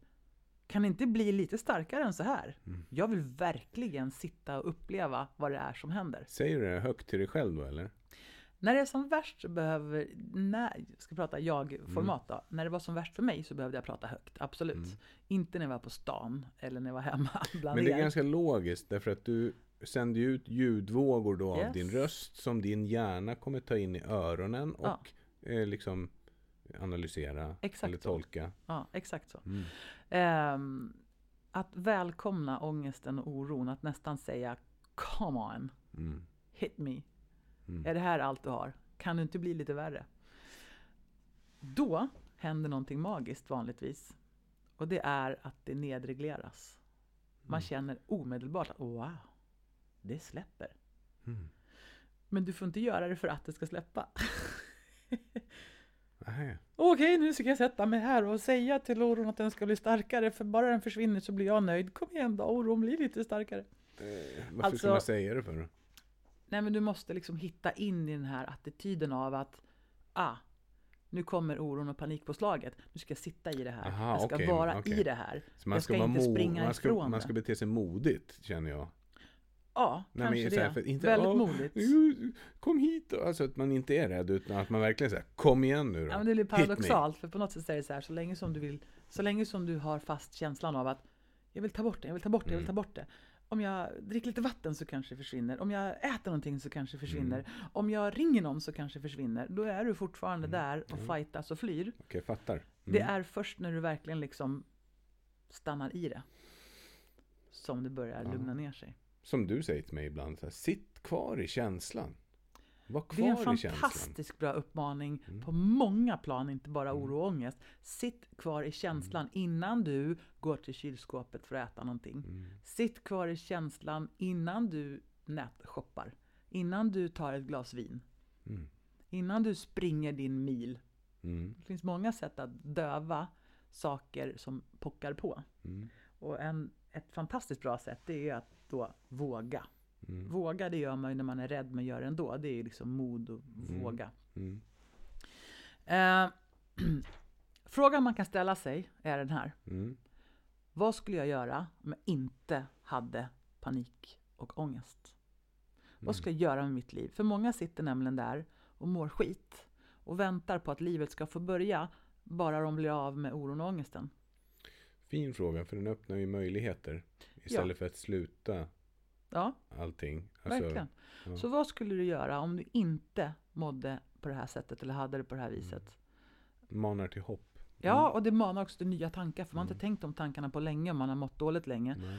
Och då kan man få fram den här känslan av att ja, men om, in- om det inte var så här då skulle jag ju såklart eh, gå tillbaks till jobbet igen och jag skulle eh, gå på den här kursen kanske eller jag skulle ta tag i min träning som jag brukar eller jag skulle umgås med folk mer eller det kan vara tusen olika saker. Det är lite som istället-frågan i coaching. Verkligen. Mm. Och då kommer nästa påkoppling. Mm. Bra. Då börjar vi idag. Då sätter vi igång idag. Går det till Och- så här om man kommer till dig? Liksom, Ja, ja. det gör det. Mm. Sen är det alltid personliga anpassningar. Jag Mm. utsätter inte folk för saker som de kräks av. Sätt dig och Den är jättebra. första träffen. Vi kan göra det när vi kommer hem. Ja. Eh, nej, men det som händer då, det Mm. är att börja leva ditt liv nu. Börja leva ditt liv så Mm. som du vill att det ska vara. Nu, börja idag. Ja, men jag har ju ång- ångest och panikattacker. Absolut. Då får ångesten och panikattackerna hänga med. Face your fears and choose life. Liksom. Ja, verkligen. Och då kommer den här, jag fick en jättefin vimpel av en vän där det står Fuck it. Och den satte jag upp på min vägg och den är riktigt bra ibland. Det är så här, fuck it, vad är det värsta som kan hända? Mm. Jag älskar den. Mm. Det, det, Så att jag fick det där rådet då att, ja, men, sätt igång, kör för fasen. Bland Mm. annat så sa han till mig, du borde utbilda dig till KBT-terapeut för du verkar verkligen intresserad av det här. mm. Så då tänkte jag, ja, det ska jag göra. Och då är det så här att, jag brukar dra en liknelse, att gå ut i livet och leva livet Mm. och ändå ha panik och ångest och panikattacker och oro och allt vad det kan vara. Det är inte så roligt. Jag skulle vilja göra de här sakerna utan panik och oro och ångest. Ja, absolut. Men nu är ju det här. Mm. Och vi kan inte vänta på att det ska försvinna. Mm. Utan lev nu. Och då brukar jag jämföra det med att det är ungefär som att gå på Gröna Lund och ha kräksjukan. Mm. Det blir inte lika roligt. Nej, men jag gör det ändå. Mm. Och det var en bra liknelse för mig att ta med mig. Acceptans. acceptans för att typ eh, nu åkte du och jag till Stockholm halvmaraton och sprang och jag hade ångest nästan hela dagen. Mm. Och det hade varit roligare utan att ha ångest och oro och skakningar och yrsel. Men jag gjorde det. Du slog mig ändå. Och jag satt inte hemma Mm. och väntade på att ångesten skulle försvinna. Nej. Och jag satt inte hemma och var sur för att livet pågick men jag var inte med. Utan jag tog med mig min jävla ångest och gjorde det jag ville göra ändå. Och det tror jag är vägen framåt. Så när folk kommer till mig Mm. så brukar det egentligen handla om, nu blir det det här härliga strukturerade som jag gillar. Mm. Aha. Ett. Du behöver hantera det som pågår därför att vanligtvis så är folk i en situation som de nästan inte kan hantera. Mhm. Alltså det är så jobbigt och påtagligt. Mm. Så att det vi pratar om, det är egentligen så här. Vi behöver prata om hur man förebygger att Mm. panik, oro och ångest liksom börjar härja hejvilt. Vi behöver prata om hur man hanterar det, alltså när ångesten och paniken kommer. Vad ska jag göra? Liksom, för det, det brukar vara det absolut mest besvärande när folk söker hjälp. Och sen behöver vi prata om hur vi ska jobba med det och liksom terapia. Mm. Mm. Och vad det gäller förebyggande så är det så här att långvarig stress och press, alldeles för mycket prestation och alldeles för lite reflektion och återhämtning brukar ha en fantastisk förmåga att trycka upp eh, aktiviteten i reptilhjärnan. Även hur man, vilket mindset man har, alltså hur man hanterar det som sker i livet, Okej. kommer att påverka hur mycket stress du upplever. Mm. Och att se över sin tillvaro så att Mm. man har någon sorts balans i tillvaron. Mm. Därför att för mycket prestation, för lite vila, det triggar Mm. reptilhjärnan och aktivitet där. Mm. Och överlag så är det jätte, jättebra att tänka på det här som vi pratar väldigt mycket om. Mm. Ett, två, tre, fysiologin först. Precis. Du, våran fysiologi, våra celler, de behöver vissa saker oavsett vad som pågår där ute i livet. Och det är att de behöver kost och näring på ett bra vis. Mm. Regelbundet och vettigt och inte för mycket skräp och skitmat och alkohol och grejer. Mm.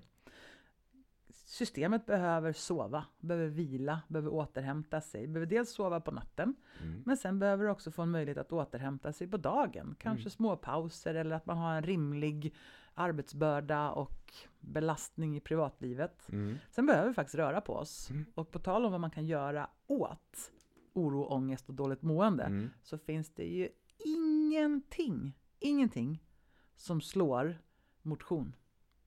Det finns ingen terapi, det finns ingen medicin, det finns ingenting som slår effekten av att regelbundet motionera.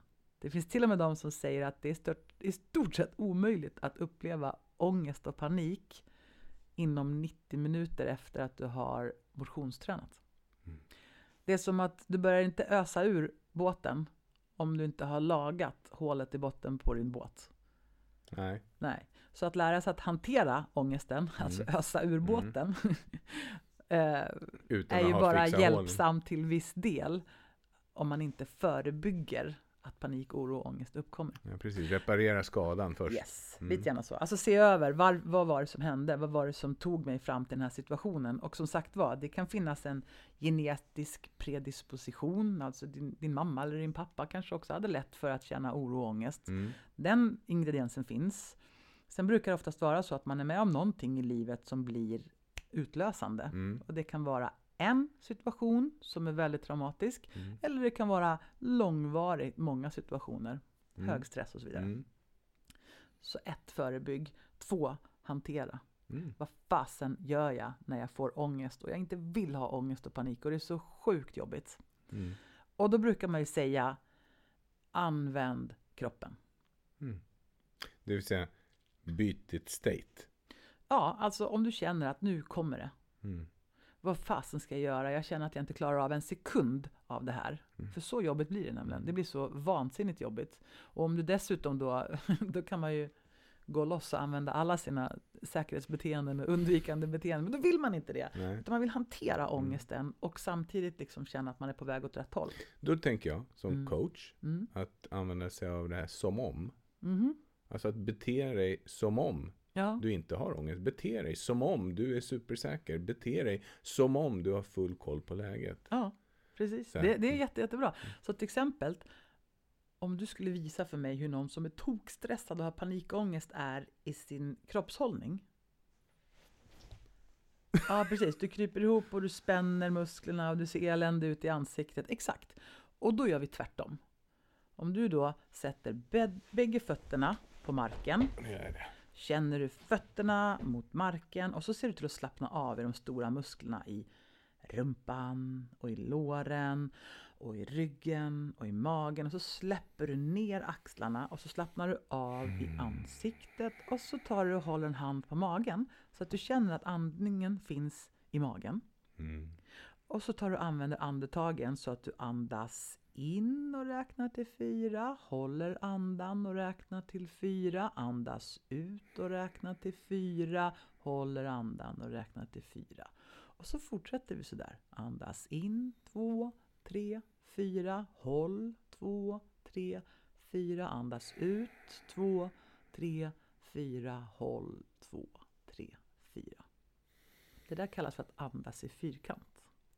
Då känner som- jag mig direkt lite lugnare helt ärligt. Ja, och nu hade ju inte du någon panikattack så det var Mm. Nej, men ganska jag känner enkelt. att direkt men, så blir rösten liksom så här. Wow, Ja, du borde göra det här varje timme. Ehm, Vad menar du? ingenting. 13 vanliga fysiska kroppsliga symptom vid ångest eller panikångest är följande. 1. Hjärtklappning eller hastig puls. 2. Lufthunger eller en känsla av att tappa andan. 3. Smärtor eller obehag i bröstet. 4. Kvävningskänslor. 5. Svettningar. 6. Illamående, obehagskänslor i magen eller diarré. 7. Darrningar eller skakningar. 8. Svindel, ostadighetskänslor eller matthet. 9. Domningar eller stickningar. 10. Känsla av att bli alldeles kall eller varm. 11. Depersonalisations eller overklighetskänslor. 12. Rädsla att dö. 13. Rädsla att förlora kontroll eller bli tokig. Alla de här kroppsliga reaktionerna uppträder av en naturlig orsak. De är effekter av kroppens försvarsreaktion vid en upplevd fara eller hot.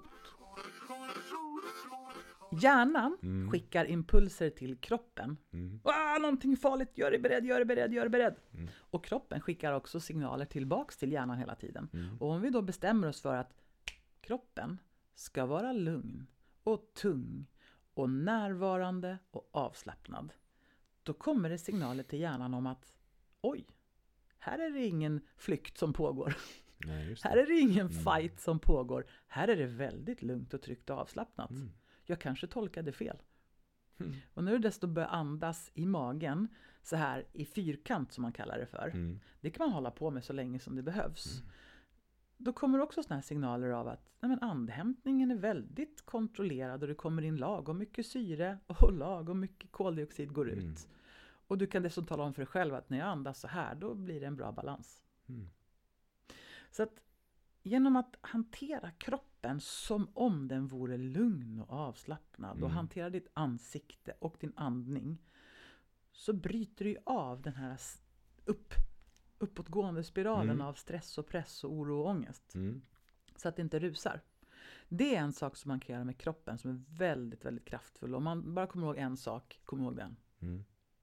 Nummer två, Mm. det är det där med paniktåget som vi pratade om. Paniktåget. Paniktåget går, hoppa inte på. Mhm. Ibland så har vi en tendens att inte vara närvarande i nuet med våra tankar, utan Mm. vi är i framtiden. Och det är väldigt ångestskapande att ha sina tankar i framtiden. Då får jag bara säga en sak. Ja, Jag upplever att du är mycket mer så än vad jag är. Absolut. Jag tror att jag är mer så än vad du är. Mm. Du är å andra sidan i nuet hela tiden. Du är ju ganska speciell på så sätt. Du är så här, Ja. nu är det nu. Fast när jag Och nu inte är är i nu. nuet så är jag helt lost in translation. Exakt. Ja. Så att för dig är det en fördel att vara i nuet. Men det är väldigt sällan som du planerar i framtid. ja, inte på det sättet i alla fall. Nej, sant. inte på något Nej, sätt men- faktiskt. Shit. Ja. I alla fall, Mm. eh, det vi gör, Slap in the face. Ja. det vi gör, det, vi, vi har en förmåga att vi kan vara bakåt i tiden Mm. Och gräma oss över det som inte var och det som inte blev och vi kan bygga upp enorma tråkiga känslor över att vara bakåt i tiden. Mm. Vi kan också gå bakåt i tiden och glädja oss åt det som var, absolut. Mm.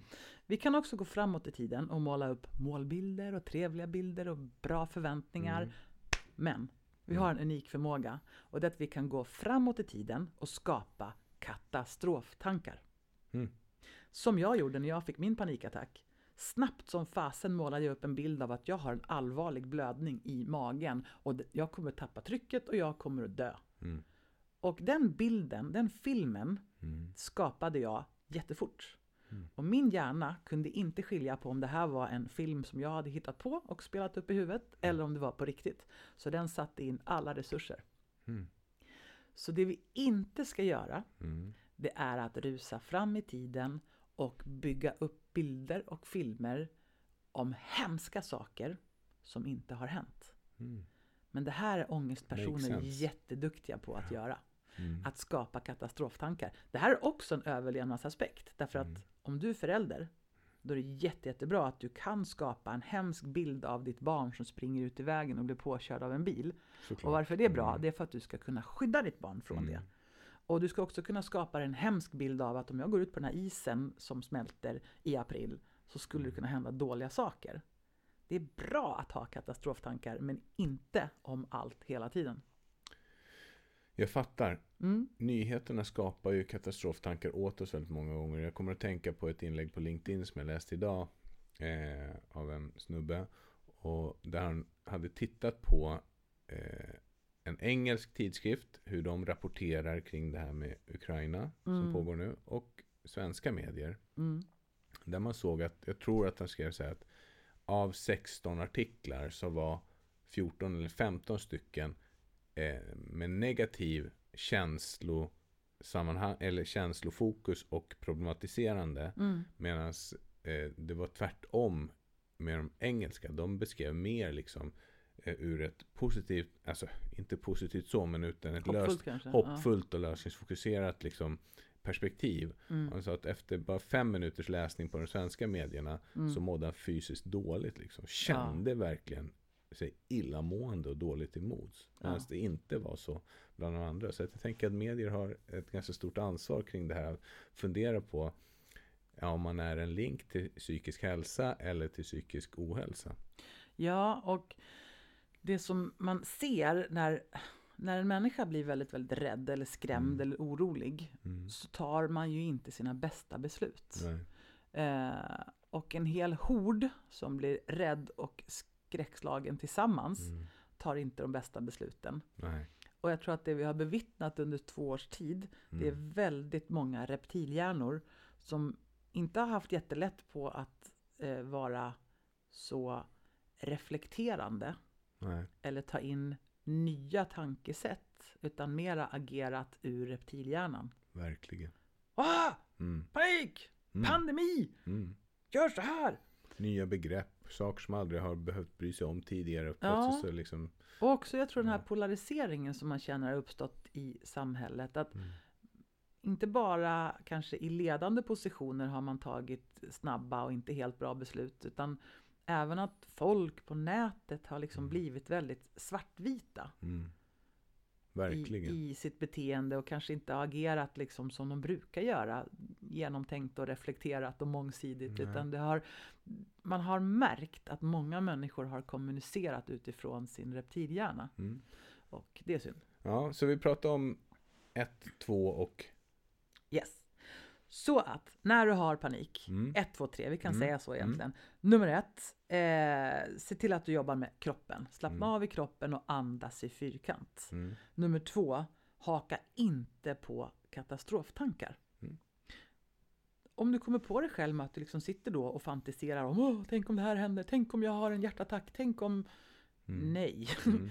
Och där kan man göra ett fantastiskt jobb. Man får tvinga sig själv inte tänka katastroftankar eller otäckhetstankar. Mm. Utan istället, för det är Mm. det som är grejen, hjärnan kan bara göra en sak i taget. Egentligen kan hjärnan bara tänka på en sak i taget. Mm. Så då får du brotta ner reptilhjärnan Mm. och tvinga hjärnan att fokusera som tusan på något annat. Mm. Och det kan vara vad som helst. Kör alfabetet baklänges eller jag brukar använda sinnena. Mm. Och du kan ta vad som helst. Om du är ute och går så kan du Mm. till exempel verkligen fokusera på hur ser de här träden ut egentligen? Mm. Exakt vilken färg är det på barken? Jag måste komma ihåg vilken färg det är på barken. Jag måste förstå det här så att jag kan lära mig det. Hur tungt är det här trädet? Jag måste ta på det så att jag känner hur det känns. Mm. Plötsligt ber jag min hjärna att tokfokusera på någonting annat. Mm. Och då händer det saker. Jag tror att det som händer då är att du får en känsla av verklighet igen. Alltså det här äh, Ja. overklighetskänslorna kommer sig av, jag vet en övning som jag eh, tillämpar många gånger också. Att föreställa sig hur mycket det här objektet väger till exempel. Att man ser den här Mm. stenen och verkligen ser. Man, och sen kan man gå och lägga handen på och känna på det här. För att få tillbaka känslan av verklighet. Mm, När man är väldigt stressad. mm, Och det hjälper väldigt, väldigt bra. Mm. Så att det är ju superduper intressant fak- faktiskt. mm. Mm. Och i vår modell så pratar vi om fysiologin, psykologin Mm. och relationerna. Mm. Och om vi då säger att krishantering av oro, panik och ångest, det är ju Mm. då ett, fysiologi. Mm. Tung i kroppen, andas. Mm. Två, eh, psykologi. Mm. Alltså, vad tänker du på? Vad behöver du tänka på? Mm. Inga paniktankar, utan vad som helst annat. Mm. Fokusera på någonting annat. Eh, Sticka en strumpa. Baka en bulle. Alltså det kan vara sådana saker. Where your focus goes, your energy flows. Exakt. Mm. Och den tredje eh, akut paniktipset, Mm. det har ju då med relationer att göra. Och det är relationen till dig själv. Prata med dig själv. Mm. Högt om du behöver. Är det riktigt illa så behöver man prata högt med sig själv. Då intar man den här eh, trygga personen Mm. och så pratar man med sig själv. Mm. Okej, så nu känner jag att hjärtat slår och jag andas kraftigare och jag tycker att det är obehagligt. Jag har ett ångestpåslag. Mm. Det här är jätte, jättejobbigt, det är jobbigt för vem som helst och jag har varit med om det här förut. Ingenting kommer att hända. Mm. Nu ska jag bara vara i det här och snart kommer det kännas bättre. Alltså Mm. att man får vara den här trygga personen med sig själv. Ja. Och på något sätt tappa in i den här klokare delen av hjärnan som man har. Mm. Prata till Amy. Eh, Amy är reptilhjärnan, hon lyssnar inte. Nej. Utan du får prata till den klokare delen av hjärnan som Mm. fortfarande finns Mm. där. Och det sa jag i början av avsnittet Mm. att ibland kan man ha två känslor samtidigt. Mm. Jag är livrädd och skräckslagen Mm. och jag vet att jag har en panikattack. Mm. Och jag vet att ingenting kommer hända men jag har ändå fullt påslag. Fantastiskt. Mm. Sen vad det Mm. gäller terapia, då har vi pratat om det här redan. Det handlar om att öka tåligheten för okontroll genom att ta bort undvikande beteenden, ta bort säkerhetsbeteenden Mm. och börja bete sig så som man vill att livet ska vara. Ta med ångesten för fasen. Mm. Kom nu ångesten, Mm. nu går vi och så går vi och lever livet till fullo. Mm. Så får ångesten haka på. För så här ska jag säga. Jag trodde att jag var av med min ångest. Mhm. När det hade gått ett år så var det så här, yes! Mm. Nu är jag klar, jag har blivit av med ångest, jag kommer aldrig mer att ha ångest för att jag har de här fantastiska redskapen och verktygen. Så att jag behöver inte ha ångest. Och den härliga känslan fick jag bo i, i ett antal år. Men sen dök det upp situationer i livet som var tuffa, svåra, hårda, pressande och stressande. Mm. Och döm om min förvåning när ångesten faktiskt fanns kvar där. Hello. Hallå, här är jag. Ah. Minns du hur jobbigt det var? Ehm, och då fick jag en känsla av att det här med ångest och oro, och till viss del också liksom utmattning, Mm. det är lite grann som en allergi. Mm. Jag vet nu för tiden vad som triggar en. Mm. Jag vet att jag har förmågan att få panikattack och ångest. Till exempel när min mamma blev sjuk och åkte in på eh, intensivvårdsavdelning. Mm. Det var ju bara en tidsfråga så vaknade jag och hade full panik. Och Mm. fastän jag kan allt och vet allt så blev jag livrädd. Mm. Eh, och ringde till 112, vilket jag inte alls är stolt över. Men det gjorde jag i alla fall. Och sen löste det sig. Så att jag kan fortfarande få ångest och panik. Mm. Och sen fick jag liksom ta en take till på att hantera det här och det är jag jätteglad för. Mm. Därför att jag fick lära mig ännu mer. Det känns faktiskt som att du har utvecklats ytterligare. Mm. Och den här gången så fick jag också liksom vara med mig själv och säga Kom igen nu, nu får du tuffa till dig. Mm. Det här behöver du göra. Inte ett skit kommer hända. Och jag, jag tycker jag lärde mig mycket på det. Så just nu så känner jag mig inte särskilt ångestpåslagen. Nej, bra. Nej. Och nu har vi pratat om allt. Och det här var ju väldigt, väldigt mycket Mm. utav allt. Men jag tycker det här är ett ämne som vi har tänkt att ha väldigt länge. Mm. Och jag har velat skjuta upp det för jag tycker det är så viktigt. Mm. Jag tycker det är så himla viktigt. Och jag fattar att vi inte har fått med allt. Mm. Men vi har pratat om mycket. Och jag hoppas att de som lyssnar kan relatera. Eh, förhoppningsvis ta med sig bra pusselbitar. Och mest av allt en känsla av att det finns hopp. Det finns massor av hopp. Så om du skulle ge liksom ett eh, holistiskt eh, tips Mm. kring det här. Vad, vad är det första som dyker upp i huvudet på dig då? För någon som vill undvika ångest, alltså som vill undvika att hamna i ångest och om du har hamnat i ångest Mm. så skulle du tipsa om det här. Ja, för det första så är det så här, ibland så, shit happens liksom. Ja. Ibland är du med om saker och tillfällen i livet som du inte kan råda över.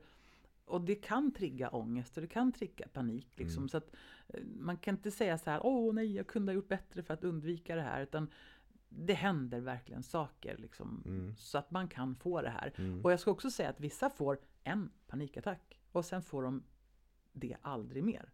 Mm. Vissa personer får två, tre panikattacker och inget mer. Mm. Ehm, så det finns liksom verkligen alla sorter, men jag vet att det finns många som lider mycket av det. Mm.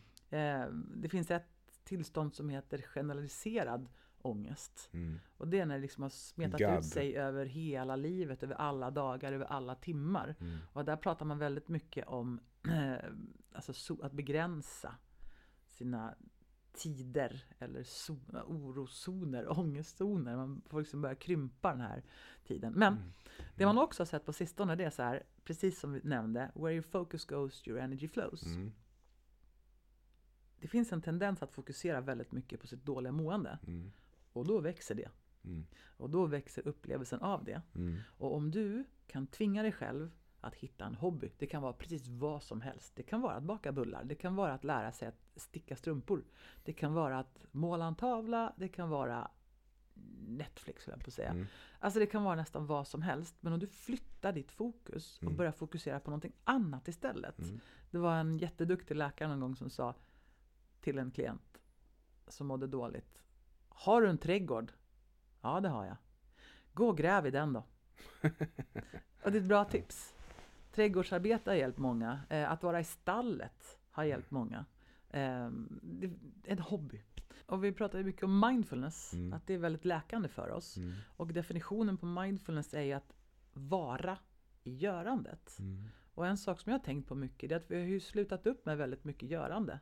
Mm. Alltså det var väldigt mycket, man kanske stod och handdiskade förut och så Mm. fick man vara i det, känna hur vattnet kändes, lyssna hur det lät, låta tankarna vandra. Mm. Vi har tagit bort väldigt mycket vara i görandet till förmån för att stirra på en skärm. Som Sant. trycker in så fruktansvärt mycket intryck i våran hjärna så att det i sig kan bli en stress. Och Mm. hur man sen känner kring de här intrycken som man tar in blir ytterligare en stress. Så att, ja du, det finns så många Makes tips sense. man skulle kunna ge. Men rent krasst så är det så här. Håll koll på din fysiologi och det är det här 1, 2, 3. Du behöver se till att du får i dig hyfsat bra näring på hyfsat regelbundna tider. Det behöver absolut inte vara perfekt, men du vet. hyfsat bra mat på hyfsat regelbundna tider. Kanske blir ett nytt avsnitt om psykisk hälsa. Ja, eh, drick inte för mycket alkohol. Det triggar definitivt ångest. Mm. Först känns det bra. Det är som Mm. att kissa på sig. Först blir det varmt och gott och skönt. Och sen, sen blir det kallt och tråkigt. Och det är samma sak med alkohol. Mm. Du kan få en känsla av att det först känns lite avdomnande. Mm. Men sen när alkoholen går ur så brukar ångesten bli värre. Ehm, traditionella behandlingsmetoder har vi inte sagt någonting om. Men det man gör det är att man kan få hjälp av läkemedel. Mm. Någon sorts lyckopiller tjofräs kan man få utskrivet. Mm. Det hjälper vissa. Mm. Man kan gå i KBT-terapi. Mm. Det hjälper ungefär lika många. Man kan få lugnande medel men där finns det en liten eh, ingrediens av att det kan vara beroendeframkallande. Mm. Ungefär som alkohol. Mm. Så att där vill man vara lite försiktig. Mm. Många känner sig nöjda med att bara ha ett recept på lugnande medel. Inte för att ta dem, men för att ha en liten livlina. Mm. Så var det för mig till exempel. Mm. Ehm, och sen var det det här motion då, som Mm. slår alla övriga Mm. behandlingsmetoder. Dosen för gemene man är 3 gånger 30 minuter motion, gärna ute i naturen. Till exempel jogga eller cykla eller simma eller springa eller hoppa eller dansa. 3 gånger 30 minuter per vecka. Men Mm. är du illa däran och mår riktigt dåligt, då är det 3 gånger 45 minuter som gäller. Mm. Och då vill du öka din puls så pass mycket så att det börjar bli lite ansträngt att prata. Mm.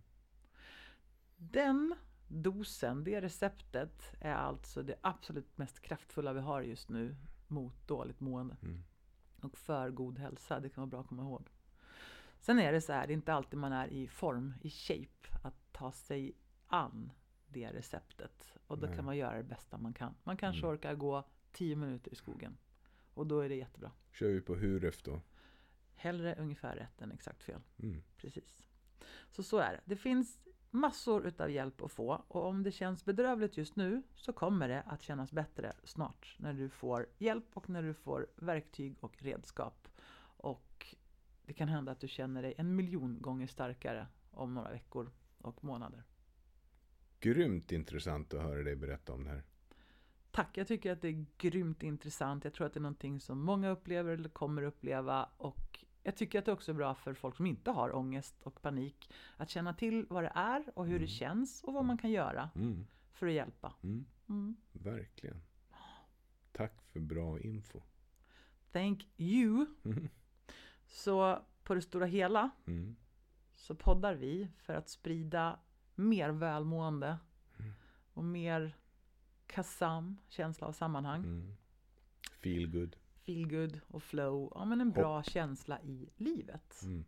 Och ibland så kommer dåligt mående in i ens liv och då ska man veta att det går också bra. Ja, faktiskt. Mm, Det är en gradskala. it is. Mm. Ja, Nu säger vi väl på återhörande. verkligen. Till next time. Mm. Eh, tveka inte att höra av er till oss Nej. förstås. Det går att höra av sig på våra kanaler i sociala medier. Precis, du kan på, om du slår på Form Holistic så finns vi på LinkedIn, vi finns på Facebook och vi finns på Instagram, at Form Holistic och vi finns också på Twitter nu för tiden. Så man kan eh, följa oss på Twitter också. Jag ser fram emot alla fantastiska tweets som du ska skriva. Tweet, tweet! Mm. Mm. Kanske det. Men det är ett enkelt sätt att få ut lite kort information. Ja. jag. Mm. Jätte, jättebra. Mm. Så eh, vi ses om en stund igen. Det gör vi. Ha det bra! Hej då! Hej då!